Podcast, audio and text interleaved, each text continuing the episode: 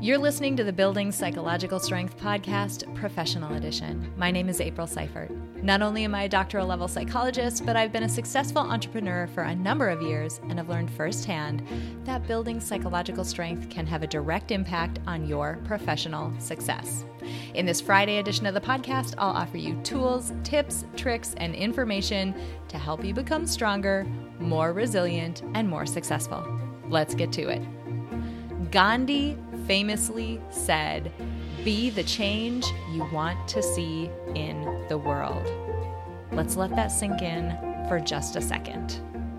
Friends, I'm so glad you're here. Happy Friday. You made it to the end of the week.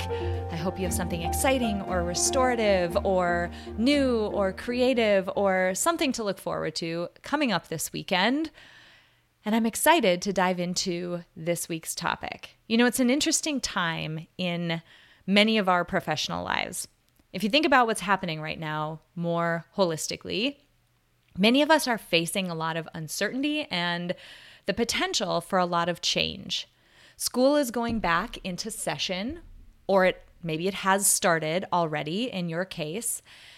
And with that comes the uncertainty of, oh, is my kid going to be sent home to quarantine for a couple of weeks? Is somebody going to get sick? I mean, the coronavirus and COVID is still very much a part of our lives and impacting the way that we live our our lives from the standpoint that it's just causing a lot of uncertainty and volatility. And we all know that our minds don't like that. So we've got that uncertainty to deal with. But many people are also grappling with the notion of what is my job going to do in terms of requiring us to come back to the office? Are we going to have to go back? What are the parameters around which we do have to go back? Is it a certain number of days? Are they going to require certain things? And then, and this is what I want to get into today, what's it going to be like when we get back there? What is our culture going to be like? Because if you think about it, corporate culture is more than just, oh, do we have sit to stand desks and an open office plan and a foosball table and free lunches? Those are perks. You know, my buddy Nancy Lyons talks about this a lot in her writing and speaking and all of the work that she does. She talks about corporate culture and how it is more than just the perks and benefits that you get from coming to a job, it's the way the job feels. How does the environment feel? When you walk in, do you feel included? When you walk in, do you feel like you can be yourself? When you walk in, do you feel accepted, supported, valued? How do you feel when you walk into your job? And now, there are a lot of things about corporate culture that maybe if you're an entrepreneur, you can actually set the culture of your company. You have a lot more control over that.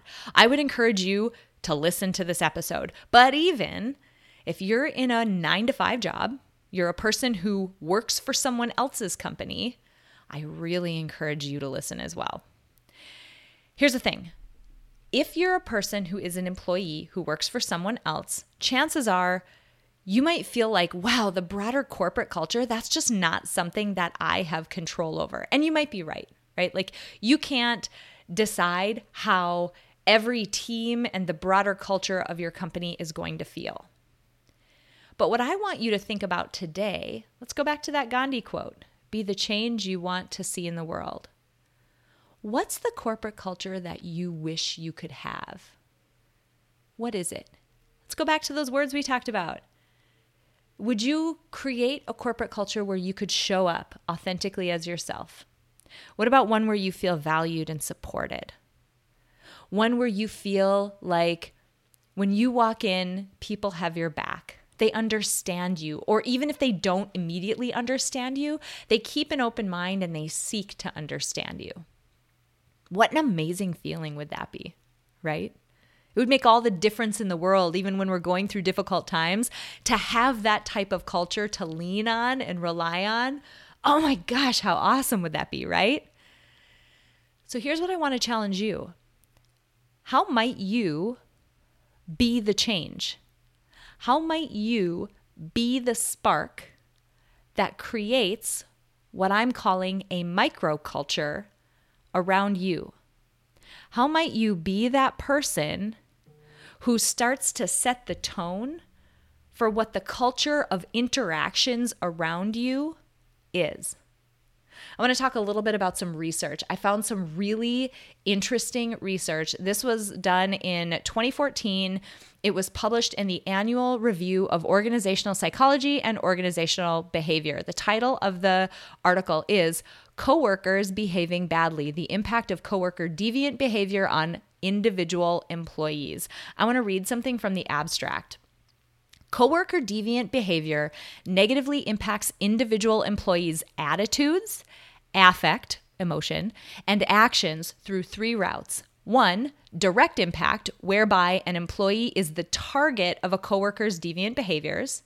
Two, vicarious impact, whereby an employee is impacted by witnessing or learning of a coworker's deviant behaviors. And three, ambient impact, whereby an employee is impacted by working in an environment characterized by collective coworker deviant behavior. I also want to cite another article. This was published in the International Journal of Stress Management. The article is entitled Workaholic Tendencies and the High Potential for Stress Among Coworkers. So, tendencies toward workaholism, and they talked about a couple of different types, did correspond to perceptions that may affect the quality of personal interaction in the workplace and therefore the stress levels among coworkers. What do these two things have in common? What they have in common is that the behaviors of individual employees impact everyone around them. What is culture? Culture is what it collectively feels like to be in an organization. So if we piece apart culture, what is it actually made of? It's made of the collective individual behaviors of the people who make up the organization. How might you be the change? How might you create a microculture around yourself that begins to set the bar at a level that holds up those values that you want your culture to have? Inclusivity, acceptance, support, value, authenticity, honesty, integrity. I could go on, but and I don't know what your list is. Think about that.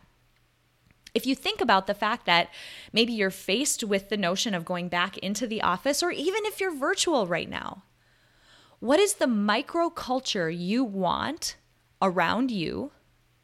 And how might you model that culture to people around you so you can start to allow what we're seeing in these articles, right? A person's behavior filters out into the other people who interact with them. How might you exemplify and model those values that you want in your culture so that you're not the employee whose deviant behavior is impacting other people in an adverse way? On the flip side, you are the person who's accepting, open minded, supportive behavior is bleeding out into the people around you. You know, so many times in psychology, when we're talking about anxiety and depression in times of uncertainty, one of the things that it comes back to is control. What do you and don't you have control over? You likely don't have control over the full culture of the organization that you're in. But what do you have control over? The microculture that you create around you. So I want you to spend some time this week, maybe this weekend. Think about this. Get quiet. What would that culture look like if you could design it? And how can you set that up for yourself? How can you model it? And those of you who are in leadership positions, I'm looking especially at you. Talk about a collective activity you could do with your team. What is the culture of our team? How do we want it to look and feel? And what do we all commit to doing to supporting that culture?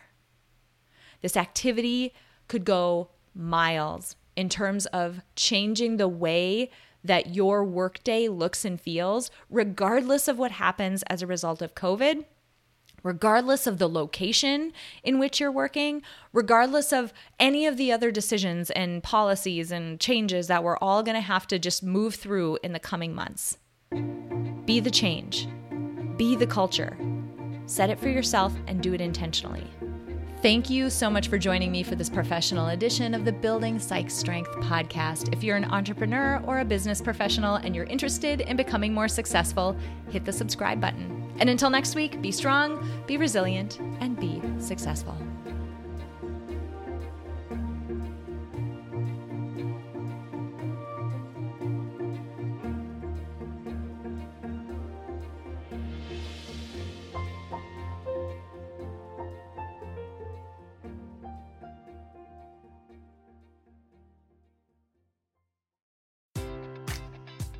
Enjoy all your favorite sports like never before at BetMGM. Sign up using code CHAMPION and receive up to $1,500 back in bonus bets if you don't win your first bet. When you register with BetMGM, you'll get instant access to a variety of parlay selection features, live betting options, and the best daily promotions in the business. And with BetMGM at your fingertips, every play and every game matters more than ever. Remember to use code CHAMPION and receive up to $1,500 back in bonus bets if you don't win your first bet. Place your money line, prop, or parlay bets with the king of sportsbooks today. BetMGM and GameSense remind you to play responsibly. See BetMGM.com for terms. 21 plus only. Virginia only. New customer offer. Subject to eligibility requirements. Rewards are non withdrawable bonus bets that expire in seven days. Gambling problem? Call 1 800 Gambler. Promotion. Promotional offer not available in Washington, D.C.